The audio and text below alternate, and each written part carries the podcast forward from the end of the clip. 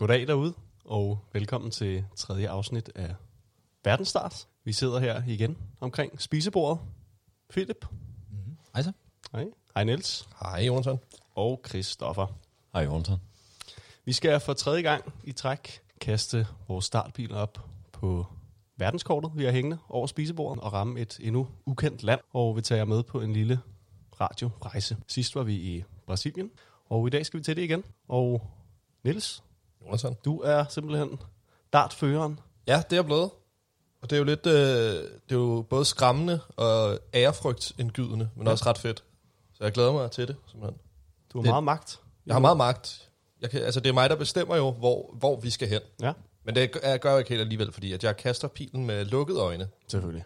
Og så tror er- jeg lidt, vi andre går i dækning, fordi Ja. dit... Øh, Ja, mit boldøje er ikke så godt. Nej. Det- Jeg gør det nu. Og han tager tilløb, stiller sig klar. Lukkede øjne. Er der noget bestemt, du håber på, Niels? Øhm, nej, altså jeg tror, min taktik er at skyde fuldstændig midt i kortet. Ja, Altså meget midt i verden, vil jeg gerne. Der vil jeg midt i verden. Vi ser. Niels, han, øh, han har lukket øjne. Og der er kastet. Okay. Hvad blev Er det? vi Der, Niels? Det ligner, det er tæt mellem to lande. og vi er simpelthen Etiopien, mine I- damer og Hold herrer. til opium. Vi Okay. okay. er simpelthen i Etiopien. Det er Det er da Etiopien. godt. Vi Spændende. kommer nærmest hele verden rundt efterhånden. Første afrikanske land. Jamen, øh, så er det bare tilbage på plads, Nils, og i gang så hurtigt som muligt med ja. Ja. at finde noget, øh, finde noget lækker musik til os. Ja, jamen jeg, Etiopisk musik. jeg skynder mig alt, hvad jeg overhovedet kan. Det er godt at høre. Imens, Mm. jeg ved ikke så meget om Etiopien, øh, men gør I, Christoffer og Philip? Simpelthen øh, heller, heller ikke specifikt meget om Etiopien, nej. Nej, altså, øh, det er jo et afrikansk land. Jeg tænker, at det er noget arabisk. Det ligger jo, øh, det ligger jo ret tæt på den arabiske halvø. Ja. Jeg har, det, men jeg kan sagtens tage fejl. Altså, men men øh, jeg har en fornemmelse af, at det er arabisk, og måske også, at, at størstedelen er, er øh, muslimer. Det kan godt være. Jeg tænker fattigt. Måske ja. hungersnød oven i købet. Mm. Der er, nok ikke, øh, der er nok ikke altid så rart at være, nødvendigvis. Men det er jo også et, øh, sådan en meget, meget gammel øh, civilisation. Er det ikke noget med, at man mener, det er der, at de allerældste øh, sådan civilisationer stammer fra, Ja. ja. at man har fundet øh, beviser på det, synes jeg. Jeg Det kan huske. Finder vi i hvert fald ud af til Ja, det i gør aften. Jeg tænker måske en gammel koloni af en eller anden Ja. art. Men jeg var så lidt i tvivl om, hvem det skulle være for. Er det ikke Det øh, Frankrig? Er det en fransk koloni? Gammel Tror jeg. koloni? Kunne det sagtens være. Kunne være. Jeg tænker, øh, sidst i Brasilien fik vi jo lov til at smage denne her rod. Hvad var det, hvad var det rodens navn? Cassava, yuca, manioc. Og, og, og den fik vi jo faktisk købt i en afrikansk butik. Mm. Så det kunne jo være, at vi skulle møde noget eller den her rod Ja. i, øh, i Etiopien. Det kan være for et gensyn med en Mm. lille forretning. Ja. Men øh, vi tales ved. Det gør vi.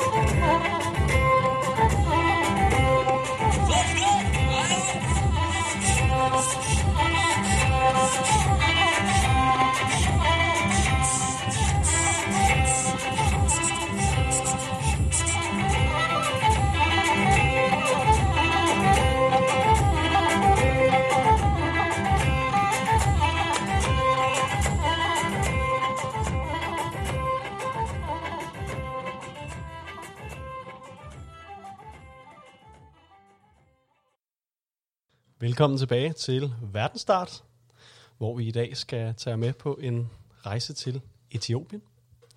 Vi har siddet de sidste øh, 9-10 timer og researchet om alt, hvad vi har kunne finde om Etiopien. Vi skal både høre lidt om, hvordan livet i Etiopien er. Vi skal have lidt historie, og vi skal høre en masse spændende musik, som det vi lige har hørt nu. Vi skal også tale om det lækre etiopiske måltid, som vi næsten lige har spist. Mm-hmm. Øhm, men først, Nils, vil ja. Du så ikke tage os øh, med ind i, hvad det var for et nummer, vi lige har hørt? Jo. Det var jo, øh, det var noget meget traditionelt øh, etiopisk musik, vi hørte her. Og øh, modsat Brasilien, øh, som vi snakkede om i sidste uge, som jo har den her meget store øh, musikkultur, hvor der er alle mulige store navne også, som øh, har indspillet mange øh, album, som er nemme at få fat i, og som man kan høre, og som er meget kendte rundt omkring i verden, så videre og så videre, så er det altså meget anderledes med øh, det etio- etiopiske musik. Fordi det er jo, og det kommer vi til at snakke om, et, et, sådan et fattigt land, hvor den moderniseringsproces, som vi kender, og øh, også altså musikindustrien ser noget anderledes ud, end, end vi er vant til. Så der er mange ting, der ikke er indspillet. Så det her det er altså en mm. video fra YouTube øh, fra en forlystelsespark i Etiopien, øh, hvor der er en guide, der har filmet og lagt på YouTube, hvor der altså er nogen, der spiller det her traditionelle musik, som ellers øh, normalt er forbundet med den ortodoxe kirke Okay. i øh, Etiopien faktisk. De spiller på sådan nogle traditionelle instrumenter, øh, mm. blandt andet sådan nogle store håndtrummer, som øh, der står to dansere foran og spiller på, mens de laver nogle meget vilde, øh, ekspressive, sådan nærmest spastiske bevægelser. Okay. Der er flere forskellige. De har en, hvor de hopper meget højt op i luften med sådan begge ben under sig. Ja. De har en, hvor de ryster hovedet helt vildt. Jeg sidder og gør det nu også. Det kan lytterne jo ikke høre, men måske kan man øh, fornemme det alligevel. Og så har de en, hvor de altså tager deres højre arm, øh, den hvor de ikke holder trummen, og så gør de sådan, så svinger de den rundt om hovedet sådan her.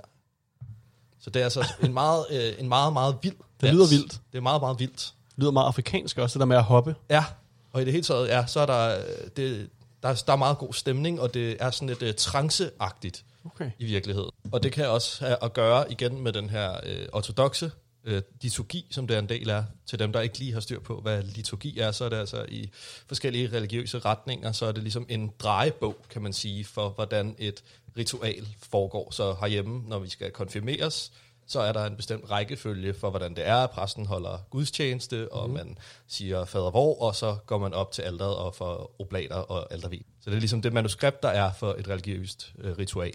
Ja.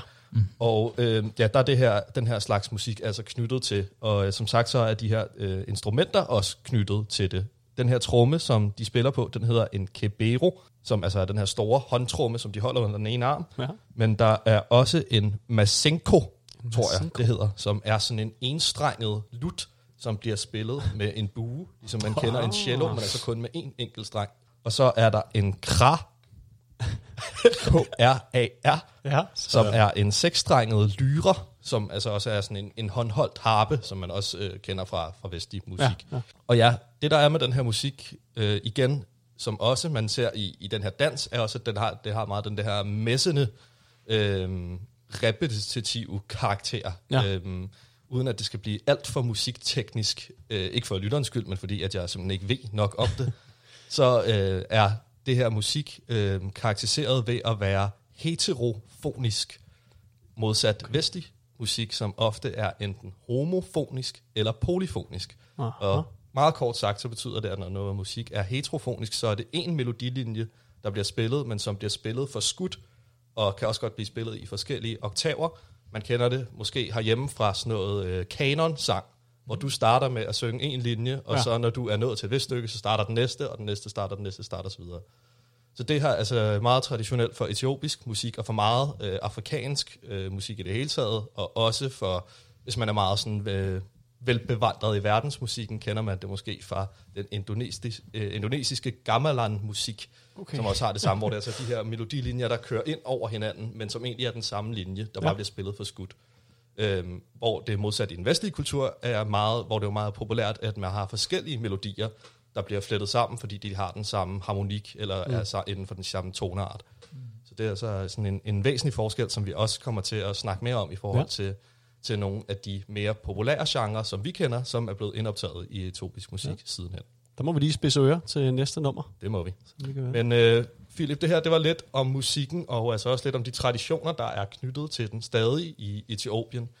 Øhm, du skal jo tage os med ind, helt ind på livet hos etiopierne. Det skal jeg. Og øh, apropos traditioner, så kommer vi til at snakke meget mere om det lidt senere. Mm. Øh, først så øh, vil jeg krybe til korset, fordi øh, da vi sad i morges og øh, kastede dartpilen, der ramte vi jo Etiopien. Og øh, der sagde jeg med det vunds, at øh, Etiopien er arabisk talende. Der tog jeg fejl. Man øh, snakker primært amharisk. Vi gættede også på fransk, nogle af jer skal huske. Der blev også gættet på fransk. det var også Derudover, Også også, galt. derudover så sagde jeg, at det primært var muslimsk. Der tog jeg også fejl. Ja. Det er primært kristen. Det tror jeg, Christoffer øh, kommer ind på senere. Det gør jeg. Ja, så, så jeg tog fejl. Men jeg har researchet en hel masse og er blevet meget klogere siden i morges. Jeg har blandt andet kigget på øhm, Udenrigsministeriets anbefalinger i forhold til at rejse til Etiopien. Etiopien. Mm. Øhm, fordi jeg kunne godt først tænke mig at danne en eller anden forståelse for, om det er et populært rejsemål, om der er mange, der tager der til, om det er sikkert osv. Ja.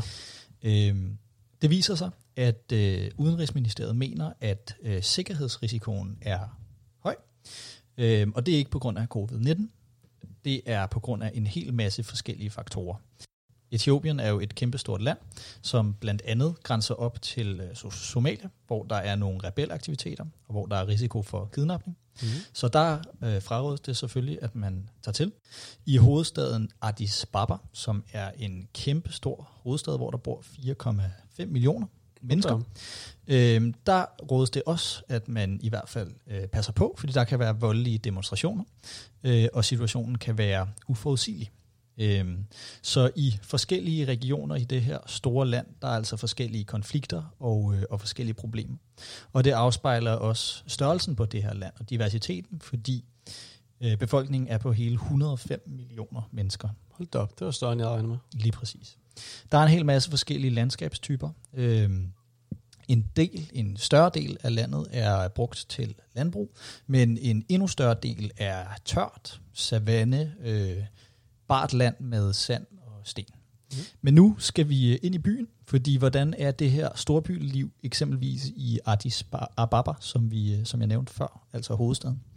Livet det er hårdt for langt de fleste, men på trods af det så er kun 2% underernæret, så de fleste får altså den føde, som de har brug for. Okay. Øhm, vand er en mangelvare. Kun 4 ud af 10 har adgang til rent drikkevand. Og det er så helt generelt i, i øh, Etiopien, Det det, her, og ikke ikke mange. kun i Addis Ababa. Det er nemlig ikke særlig mange, nej. Øhm, og samme andel øh, har efter 15 års alderen lært både at læse og skrive. Så uddannelsen den er altså også lidt haltende. Det er kun de her 4 ud af 10, som, ja. som kan læse og skrive. I Etiopien der er mange af de her store, store markeder, hvor man køber og man sælger, hvad man har brug for. Øhm, det er nogle kæmpe store pladser, hvor man har slået øh, præsendinger op som, øh, som ly for, for sol og for regn. Øh, og så øh, har man ellers placeret sin symaskine der, lavet en lille øh, biks, hvor man måske lapper tøjet, eller man har lavet en biks, hvor man sælger uld, eller ris, eller korn, eller hvad det nu måtte være. Øh, og især uden for storbyerne, eller i, eller i udkanten af de her store byer, der henter man altså sine varer der, og ikke i supermarkedet, som vi ellers klassisk gør i Vesten. Mhm. Øhm, men på trods af det, så er livet i storbyen sådan relativt moderne. Der er infrastruktur, der er biler, busser, tog, og øh, der er en stor international lufthavn. Men når man kommer ud fra storbyen, så findes en helt anden virkelighed. Øhm, her har vi blandt andet øh, stammefolk, forskellige stammer, som tror på forskellige ting med forskellige øh, ceremonier og hvad der nu ellers medfølger. Og det kommer jeg til at dykke meget mere øh, ned i senere i programmet. Ja. Men nu, Jonathan, nu øh, får jeg lyst til at høre noget musik, noget mere etiopisk musik. Det kan du tro, jeg også gør. Øh, vil du ikke sætte noget lækker musik på, Niels? Jo, det vil jeg gerne. Øh, imens jeg sætter det her nummer på, jeg kommer til at snakke om det bagefter, men så øh, kan I måske lige samtidig med lytteren, håber jeg, i kor sige, hvor I kender det her nummer fra, fordi det er nemlig et, I alle sammen har hørt ved jer. Det kommer her. Ja. Klokker, der ringer rundt om bordet. Det kender jeg fra Det kender du fra... Nakkered. Det Er det er, nemlig fra Nakkered. Nakkered. Det er morgennummeret fra Nakkered. Ah, sådan. Behagelig enorm morgennummer.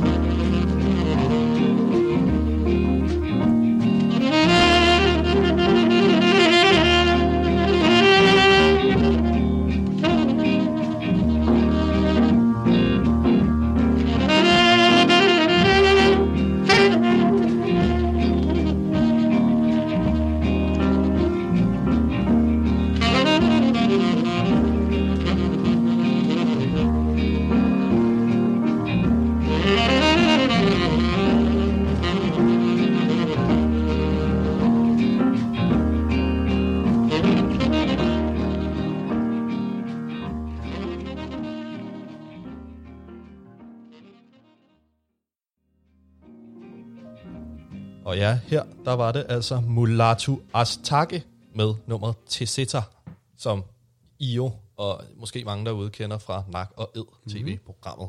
Men det er altså et no, øh, eksempel på et etiopisk jazznummer. Og øh, vi kommer lidt til at snakke om her de næste par numre om forskellige genrer, som vi kender, som ligesom er blevet indoptaget i, i etiopisk musik. Okay. Og øh, Mulatu Astake her er altså den allerstørste skikkelse overhovedet i etiopisk jazz, og bliver kaldt også øh, faderen for Eti Jazz, som det også hedder Hold. Okay. Så han er altså en stor kanon i den sammenhæng. Han øh, lavede det meste af sit mus- musik i slut 60'erne og 70'erne, hvor det her nummer egentlig også er fra.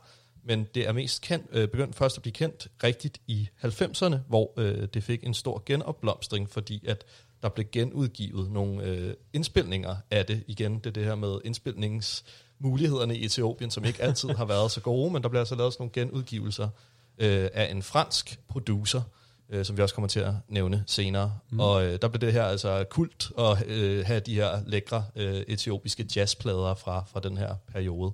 Øh, så han fik ligesom sådan en stor genopblomstring der, og blev også samlet af blandt andet Nas og Kanye West og Madlib og så videre. Hold Så da op, også da øh, blev ligesom kom ind i hiphop-kulturen Ja. også, øh, som backing track nogle af de her øh, numre, han indspillede. Men altså, ja, det her var et lille eksempel på den etiopiske jazzmusik. Men Christoffer, det hele skal jo ikke kun handle om musikhistorie, fordi at Etiopien har jo øh, rigtig meget andet historie også, som du vil tage os igennem, i hvert fald noget af det. Ja, det må sige, Niels. Øh, og ja, jeg fik jo også sagt her øh, tidligere i episoden her i morges, at øh, jeg mente, at Etiopien havde været en gammel koloni, og der tror jeg faktisk fejl. Ja, der var mange dårlige gæt. Ja. Der, var rigtig, der var rigtig mange Kun øh, dårlige, tror jeg. dårlige gæt og forudsigelser. Øh, og ja, som du selv siger, der er rigtig meget historie. Øh, faktisk er det også i det område, man har nogle af de ældste menneskefund, Ja, øh, der har været over 200.000 år gammelt. Og det betyder jo så også, at jeg har ligesom kun haft mulighed for at dybe tåen lidt i det. så, så jeg har ligesom måttet vælge nogle nedslagspunkter. Men øh, jeg tænker at starte omkring øh, noget, der hedder Aksumriget. Og Aksumriget, det var det kongerige, der der kontrollerede det, det etiopiske område i rigtig mange århundreder frem. Og det var også under det her rige, at Etiopien omkring 300-tallet blev kristen nation.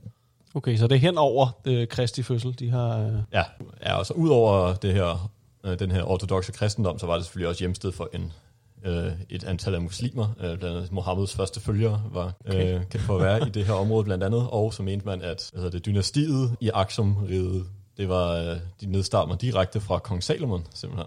Kong Salomon. Kong Salomon, ja. Efter Aksumriget, øh, så kom øh, det etiopiske kongerige, som også var kendt som Absidien, øh, og var der i mange år. Det, øh, det startede i omkring år 1270, ved man. Mm-hmm. kørte i mange år som et øh, dynasti ned. Omkring 1700-tallet, der var det meget opdelt. Der var ikke rigtigt som et rige længere, men en masse forskellige indtil midten af 1800-tallet, hvor det så blev samlet igen. Øh, og i 1800-tallet, der kom de også i krig med Osmaneriget, eller den egyptiske del af Osmaneriget, og Etiopien vandt så den krig. Og så senere hen i 1800-tallet, der kom de så i krig med Italien, som gerne ville have området. Og den vandt de så også. Det hører ligesom med til den her fortælling om, at de aldrig har været koloniseret, fordi det var faktisk nærmest den eneste afrikanske magt, hvis jeg kunne finde, der, der slog øh, de europæiske lande. Okay, så de har haft et stærkt øh, militær? Eller? Ja, de har været, øh, været rimelig stærkt samlet. Så gik der så nogle flere år, og så angreb Italien så igen, hvor det så lykkedes dem at, Ah. at tage noget af landet. Øh, så fik de så den del, der i dag hedder Eritrea, okay. øh, men som var en del af det etiopiske imperie. Oh, det var også stort, så. Ja, de vandt. Men så der blev ligesom lavet en aftale, fordi italienerne kunne ikke slå etioperne, så de fik Eritrea, og så blev der ligesom indgået en aftale om, at så leverede italienerne våben og støtte til Etiopiens øh, hersker. Okay, så de blev endnu stærkere. Simpelthen, så blev de så, ja, de mistede jo så noget adgang til kyst, kan man Ja. sige. Det var det, der var meget vigtigt for italienerne. De har altid været glade for, altså for strande og Ja. kyst, øh, italienerne. Og det, er ret inter- og det er ret interessant det her, fordi jeg var der 100% sikker på, at Etiopien lå ud til kysten. Sådan Ja. er det også. Men Jeg- det, det finder vi jo simpelthen ud af, at det, det gør det ikke. Jeg tror, jeg blander det sammen med Somalia ret meget, Ja. som jo har meget kyst, Mhm. og som ligger lige, lige rundt om hjørnet. Vi hopper så frem til 1935, hvor italienerne så under Mussolini ligesom prøver igen. Øh, og den her gang lykkedes det dem så at erobre Etiopien. Det har aldrig været en rigtig koloni, men det var så blevet erobret af Italien i en årrække indtil ja, 2. verdenskrig bryder ud. Øh, og der sker så det, at de etiopiske modstandsbevægelse sammen med øh, hjælp fra britterne, som jo er blevet Itali- Italiens modstandere under krigen, mm-hmm. får skubbet italienerne ud igen. Altså, hvorfor er italienere så vilde med, ja, med vildt. Etiopien? Det, det er tredje gang, de går i krig der. Simpelthen. De skal bare have det. Det, det, Det er ret sjovt. Ja. Ja, men de vil øh, meget gerne have det område, ja. og det var ligesom, de havde mange af de omkringliggende lande, så de ville også gerne have Etiopien, Okay. okay. så er det jo også meget, det er jo et meget stort landområde. Så sker der så det, at i øh, 1952, der bliver der så lavet en samlet federation af Etiopien og Eritrea, som øh, havde været under italiensk styre, og egentlig gerne ville være under selvstyre. Det blev så en samlet federation med Etiopien, og Etiopien ender så simpelthen med at annektere landet tilbage igen, hvilket starter en meget lang frihedskrig fra Eritreas side. Øh, så de to lande har også haft rigtig mange slag, og Eritrea ender så først med at blive selvstændig i, helt i 1993. I midlertid der, der sker der så flere ting. Der sker så det, at øh, i 1974, der kommer en kommunistisk gruppe og vælter kejserdømmet og tager over, og de hedder DERG, D-E-R-G, vil jeg kunne se, øh, støttet af Sovjetunionen og Kuba. De tager så magten i en årrække, og i 1987, der bliver landet så officielt en socialistisk folkerepublik med et etpartis styre, og det her styre, der var så indtil 1991, hvor øh, oprørsgruppen Ethiopians People's Revolutionary Democratic Front, meget langt navn, de ligesom tager magten, og det er sådan en, øh, en blanding af en masse forskellige af de her etniske grupper og stammefolk, som har været i landet, som så tager magten tilbage for de her kommunister. Mm. Det sker simpelthen også fordi, at efter Sovjetunionens fald i 1991, der kan det her kommunistiske styre, de kan ikke, de kan ikke holde øh, kontrollen ved lige uden støtte fra Sovjetunionen. Nej, det giver mening. Ja. Øh, og det er så også det, der fører til, at Eritrea de bliver selvstændige igen, fordi kommunisterne falder sammen, og så vinder de over Etiopiens tropper, og så tager de så deres land tilbage i 1993. Efter det kommunistiske styre falder, der bliver Etiopien i 1991 så en federalrepublik, som er delt op i ni forskellige delstater, øh, ud fra de her forskellige etniske grupper, der hersker i samfundet, som så stemmer og danner parlamentet ud fra de her forskellige grupper. Der er en del forskellige af dem. Øh, for eksempel nu hørte vi tidligere lidt om Amhara, som øh, er det officielle nationalsprog, men det mest talte sprog, det er faktisk Omodo. Okay, Ja, jeg Oromo. tog, jeg tog fejl endnu en gang. Jeg startede med at sige arabisk, så sagde jeg Amhara, og nu, yes. Jamen, Oromo er, øh, der er lidt flere, der taler det i landet, men øh, Amhara er faktisk mere, eller øh, Amhara er det nationale sprog. Okay. Der er flere, der taler Omodo simpelthen. Okay. Aha. Ja, og så er vi jo sådan næsten nået frem til i dag, at det har kørt som det her system med de ni delstater indtil da. Øh, og er, det er officielt et demokrati med en masse selvstyre til de her ni delstater. Mere uofficielt har jeg så kunne læse mig frem til, at det er et lidt farligt sted. Det er et sted, hvor det, demokratiet bliver meget undertrykt, og ytringsfriheden bliver meget undertrykt. Mm. Der har været flere sager med, at øh, hvis regeringen har været ved at tabe, så, øh, så var der et eksempel på, at staten simpelthen bliver erklæret i undtagelsestilstand, hvilket så Ah. førte til store demonstrationer, og så slog regeringen ligesom ned på de her demonstrationer. Så der var også flere trick. hundrede, der døde. Ja. Okay. Øh, så jeg har også kunne finde frem til, at det faktisk er et meget økonomisk øh, voksende land. Det okay. er et af de, ja, økonomisk set et af de hurtigst voksende lande i regionen. Så det er ligesom lidt en darling på det her med fremgang i forhold til befolkningens økonomi, men til gengæld så er det så Demokratisk, ikke så ja, det er velfungerende. meget, der er store demokratiske problemer, mm. men økonomisk er det meget godt. Jeg tror, jeg er ved at være, have nået det, det hurtige lille gennemgang af etiopisk historie. Ja. Ja. Så vil jeg spille den over til Philip, som kan uddybe lidt om hverdagen. Ja, fordi nu skal vi øh, nu skal vi ud i stammerne. Før var vi lidt i byen og lidt omkring byen, men nu skal vi altså langt, langt, langt fra byen. Vi skal ud til, øh, til den stamme, der hedder Hammer Tribe. Hammer Tribe. Hammer Tribe, og det er altså en, en, en type stamme, som der findes. Jeg tror, øh, jeg tror alt i alt findes der 50.000 af denne her øh, 50.000. Hold da op. type.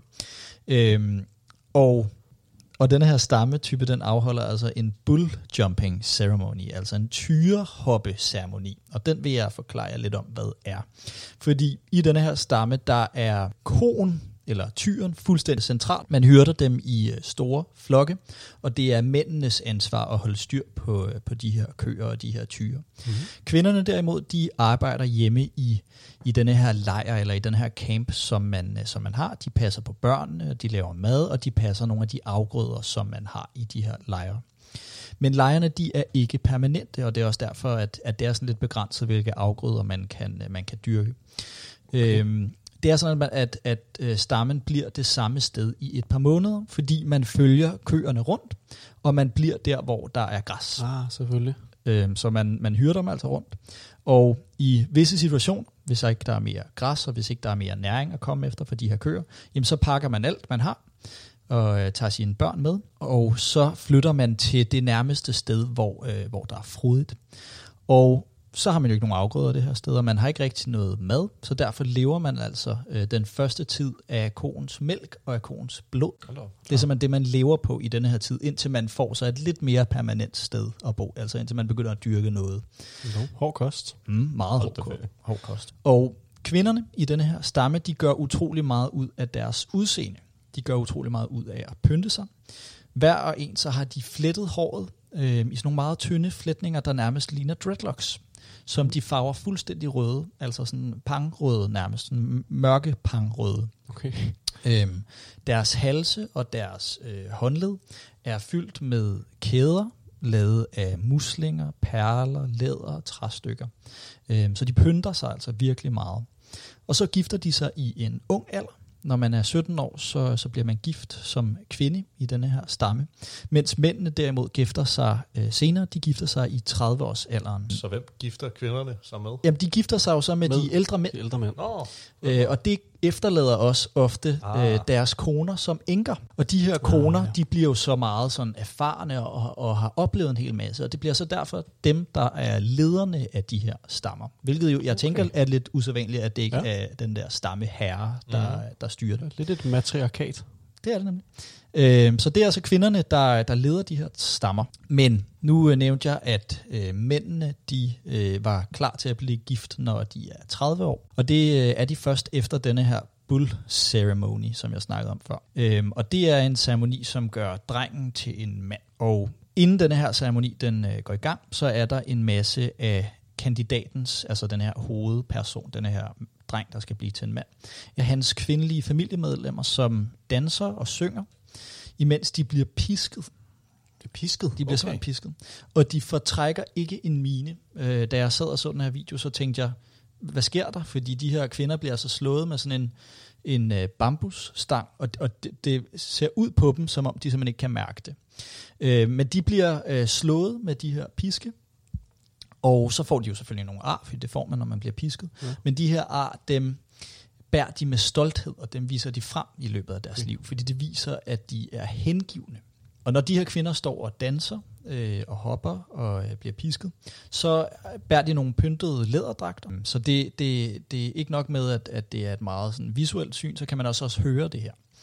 Og når den her dans den så er færdig, så samles alle de her køer, som, som den her flok jo har. Og køerne er jo, som, som jeg sagde før, meget essentielle. Det er det, det, man lever for, det er de her køer og Ja. de her tyre. Og så legnes der en 5, 6, 7 køer op side, øh, side for side, altså Ja. sådan med, med, med skuldrene mod Ja. hinanden, hvis, hvis køer har skuldre, det ved jeg ikke så meget. Øhm, og så er den her ceremoni, at ham her drengen, der skal blive til mand, han skal hoppe Ja. Sorry. han skal, øh, han skal hoppe op på den forreste ko, og så skal han altså hoppe hen over køerne. Okay. nej, altså sådan sidelands hop henover. Ja, Hold da op. og hoppe ned igen. Okay, nå, okay. Øh, og det skal han så gøre tre gange frem og tilbage. Så han hopper altså op på den forreste kø, så han hopper altså op på den forreste ko, og så hopper han sådan fra ko til ko til ko til Ja. ko, eller Ja. tyre er det nok, øh, enten eller. Og så hopper han ned, vender om, hopper ja. op på den forreste, eller det er jo så den bagerste, fordi han er kommet forbi rækken, men så hopper han op på den bagerste, og så tager han den hele vejen igen. Og det gør han tre gange. Og når han har gjort det, udført denne her ceremoni, så er han en mand, Sådan en mand. og så er han klar til at blive gift. Sådan. Altså jeg tænker jo, det får jo sådan noget øh, rodeo-tyre i Texas, og sådan, det, det, hele den tradition, det Ja. ja. får jo det til at ligne det rene Rodeo. øh, vand, altså Go home. det rene barnemad. Det er jo øh, syv, syvdobbelt her. Og der forstår jeg godt, hvad du tænker, men det gør det faktisk ikke, fordi på en eller anden måde, så får man de her tyre De til. er meget rolige. De er meget, meget rolige. Ja, Ja, de står okay. simpelthen bare side om side, helt stille. Øhm, jeg ved ikke, om det har noget at gøre med, at de her tyre er meget afkræftede. Altså i, i, tyre, ja. i klassisk tyrefægtning, der, der slår man og skyder pile, og alle gør får mulige grimme ting. Opildnet. Ja. Ja, men, men her, der, der tror jeg først og fremmest, at det er nogle, øh, nogle kvæg, som ikke får særlig meget næring, så de, de, de er åletynde, de okay. her tyre. Altså. Altså hvis man tager deres blod, er det også. Og hvis man tager deres blod. Øhm, så på en eller anden måde, så får man dem til at være helt rolige. Øh, så de her drenge, de kan simpelthen bare, nærmest som var det et gulv, så kan Okay. de gå hen over det her. Det er, faktisk, det er faktisk det rene barnemad. det, er- det, altså det ligner det, men, øh, Ja. ja. men det, det gør en dreng til en mand, så der må være et eller andet der. Ja. Øh, ja. Det Så, lyder som en god workout-øvelse. ja, absolut. Altså det, jeg ved ikke, om det er øh, etiopisk crossfit eller noget af den stil. Det kan godt lidt lyde som, jeg synes, at vi skal give det et forsøg herhjemme, Absolut. øh, for at vi kan gå fra drenge til mænd Ja. en dag. Men det var lidt om øh, den store, store forskel, der er på at leve i by og leve øh, på landet, hvor mm. der er stammer. Niels, øh, nu synes jeg, at øh, du skal give os endnu et fænomenalt etiopisk nummer. Ja, Ja.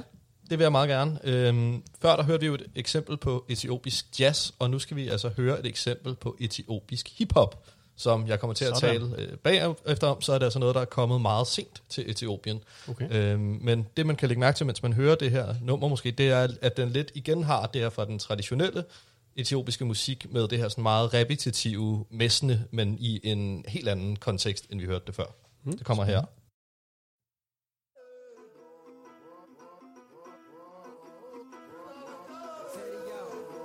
Diamond, Nathan ቴዲዮ መጣሁ በድጋሚ ስልቱ ጉራጌቱ እንደ ዳስን ተስማሚ በሉ ጨውጠው ወደ እኛ ተጠጊ ጨፍሪ ተጫወት ተራ ታዛጊ ከእኛ ተመቻች ያሰብሽን ጠይቂ ሊገላ የሚጠጣ ለዚሽ አምጣላት ከክትፎ ከቆጮ ብርዙን እንቅዳላት ለዚሽ ቆንጆ ልጅ ሁሉም ይሟላላት ዳይመንድ አሳያት ቆንጆዋን ጠርቼ እዚህ ባመጣዋት በኮከብ ጨረቃ በደማቁ ምሽት እንደ ፀሐይ ብታ ስትጨፍር አይተዋት ተረባርበው መጡ ሁሉም ተሻሙባት አትጣሉን ጨፍር የመጣ ነው ለመዝናናት በላትን ከይ ላሳያት ፊት ጠራ ወዳጅነት ቢሆንልን በጉልበት እኔ ሰምተው ወጣት ሽማግሌ ዋዛውን ወንድ ሳይቀር ወይም ሴት ተሰብስበው ህፃናት ሰምተው ምን አሉ ሙላለ It's a party.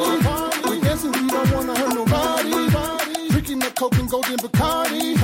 Dancing on the floor with my shawty.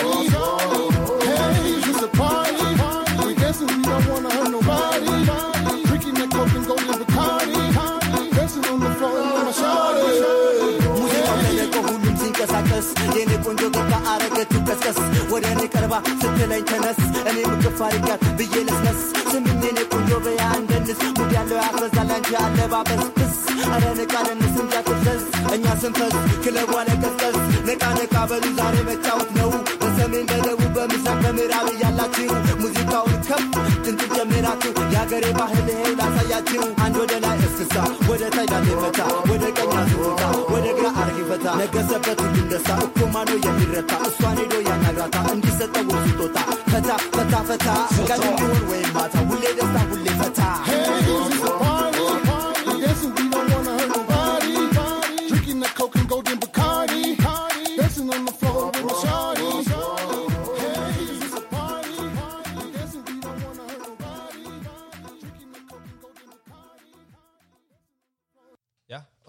der fik vi altså Teddy Yo med nummeret Party. Okay. Og det er altså, som sagt et øh, eksempel på etiopisk hiphop. Og faktisk er han en af de allerførste etiopiske hiphoppere, og en af de helt store navne også stadigvæk. Øh, han startede med at bringe genren til Etiopien i nullerne, så den er altså lige en 30, 20-30 år forsinket øh, er lidt i forsinket. Etiopien. Men den kom.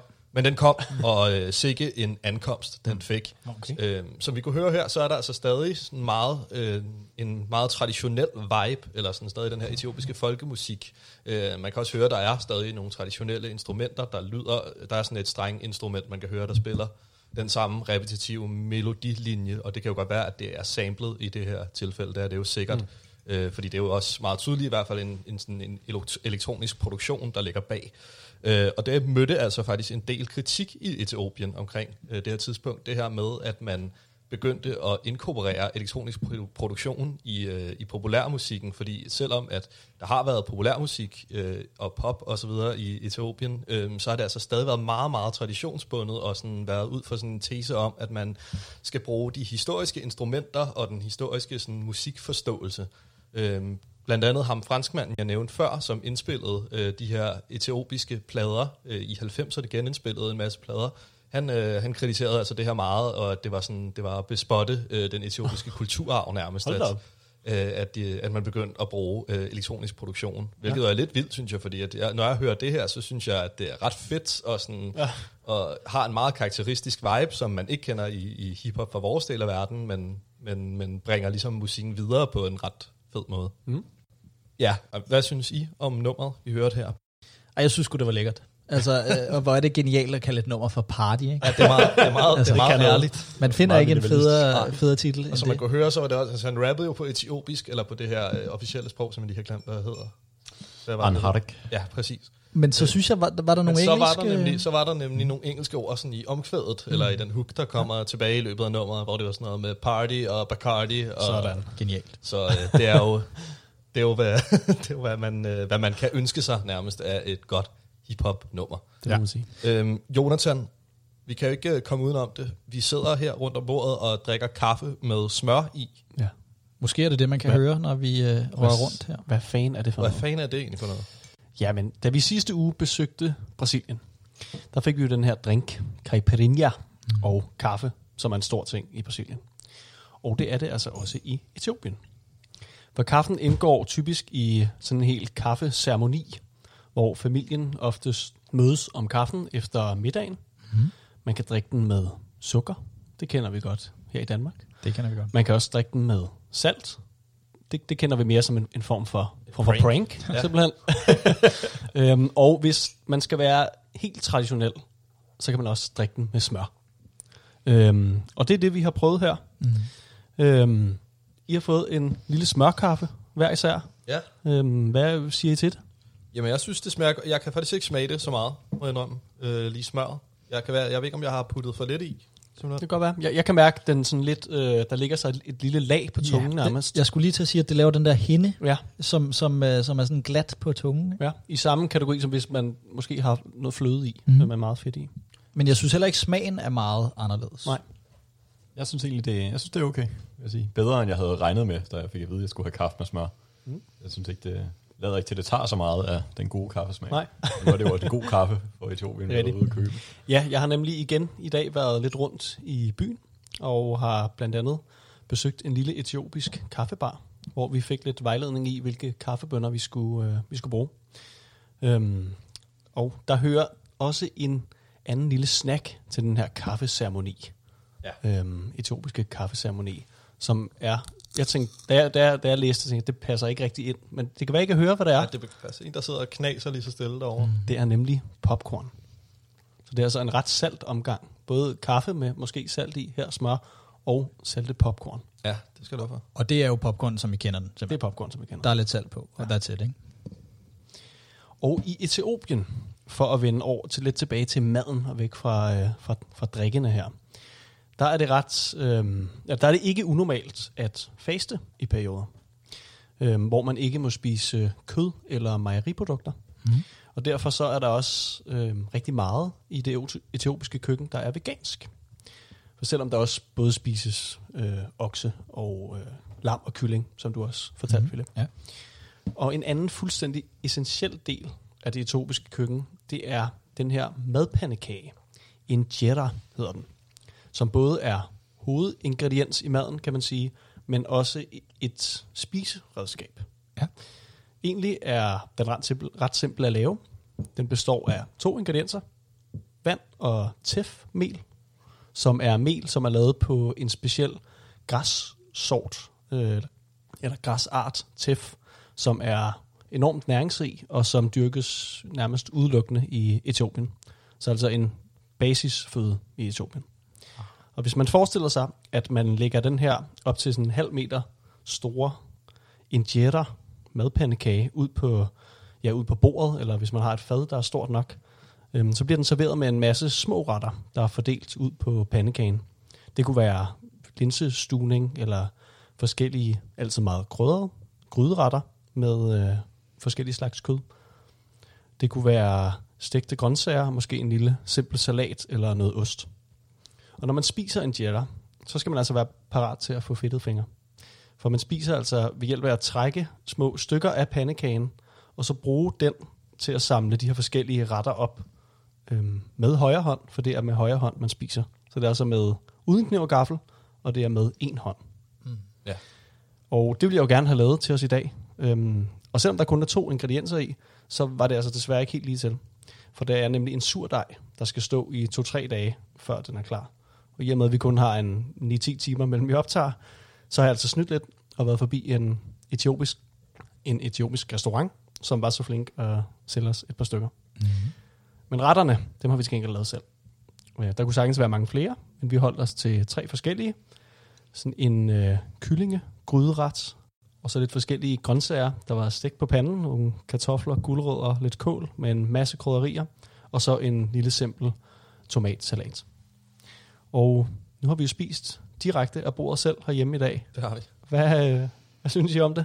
Jeg synes, det var helt fantastisk. Jeg synes virkelig, det er fedt, og sådan, der er noget ret øh, befriende over det der med, sådan, det er sådan meget øh, at gå i barndom igen nærmest, det der med, Ja. at man bare sidder og snasker ud over det hele, og bare propper sine øh, hænder ind i munden. Altså, det synes jeg virkelig kan noget.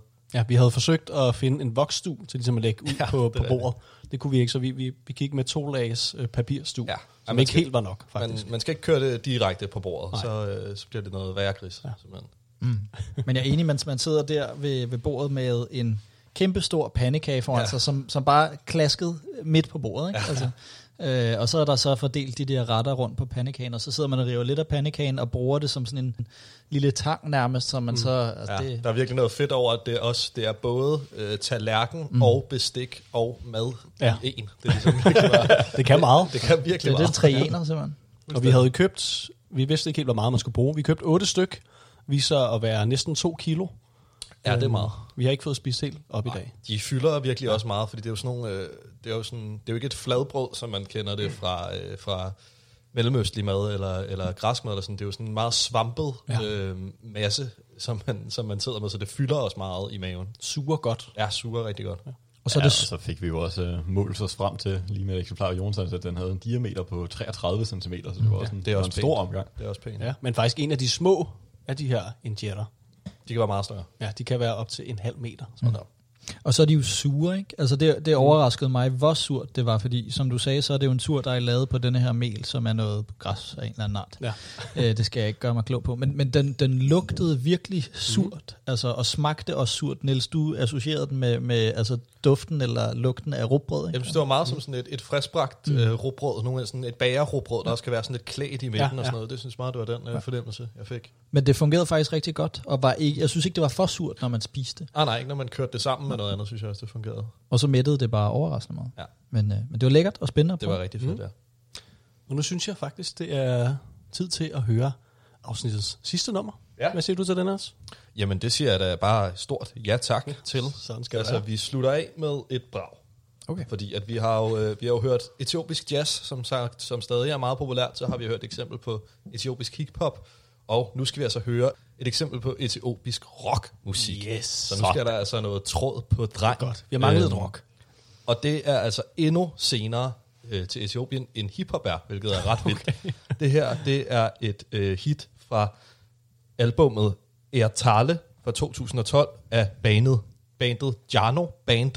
Okay. Og øh, det er altså det første rockalbum i Etiopien nogensinde. Og det er fra 12. I 2012. Hold da. Det, det er da meget er sjovt, fordi at 50-60 år. Det er ret vanvittigt. Særligt Øhm, fordi rockgenren jo er så meget ældre end hiphop-genren. Ja, præcis. Det er altså virkelig noget, der har taget, taget tid at komme til, til Etiopien. Det kommer her. Jarno Band med Irak.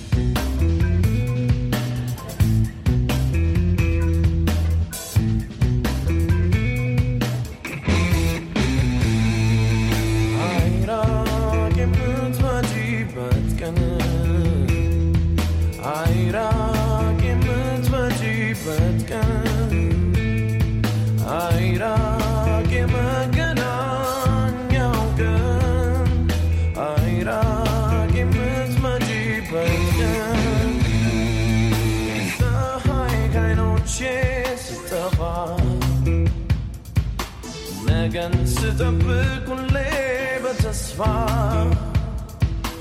Yana gam nag so imashan. No matter what she becomes, I'm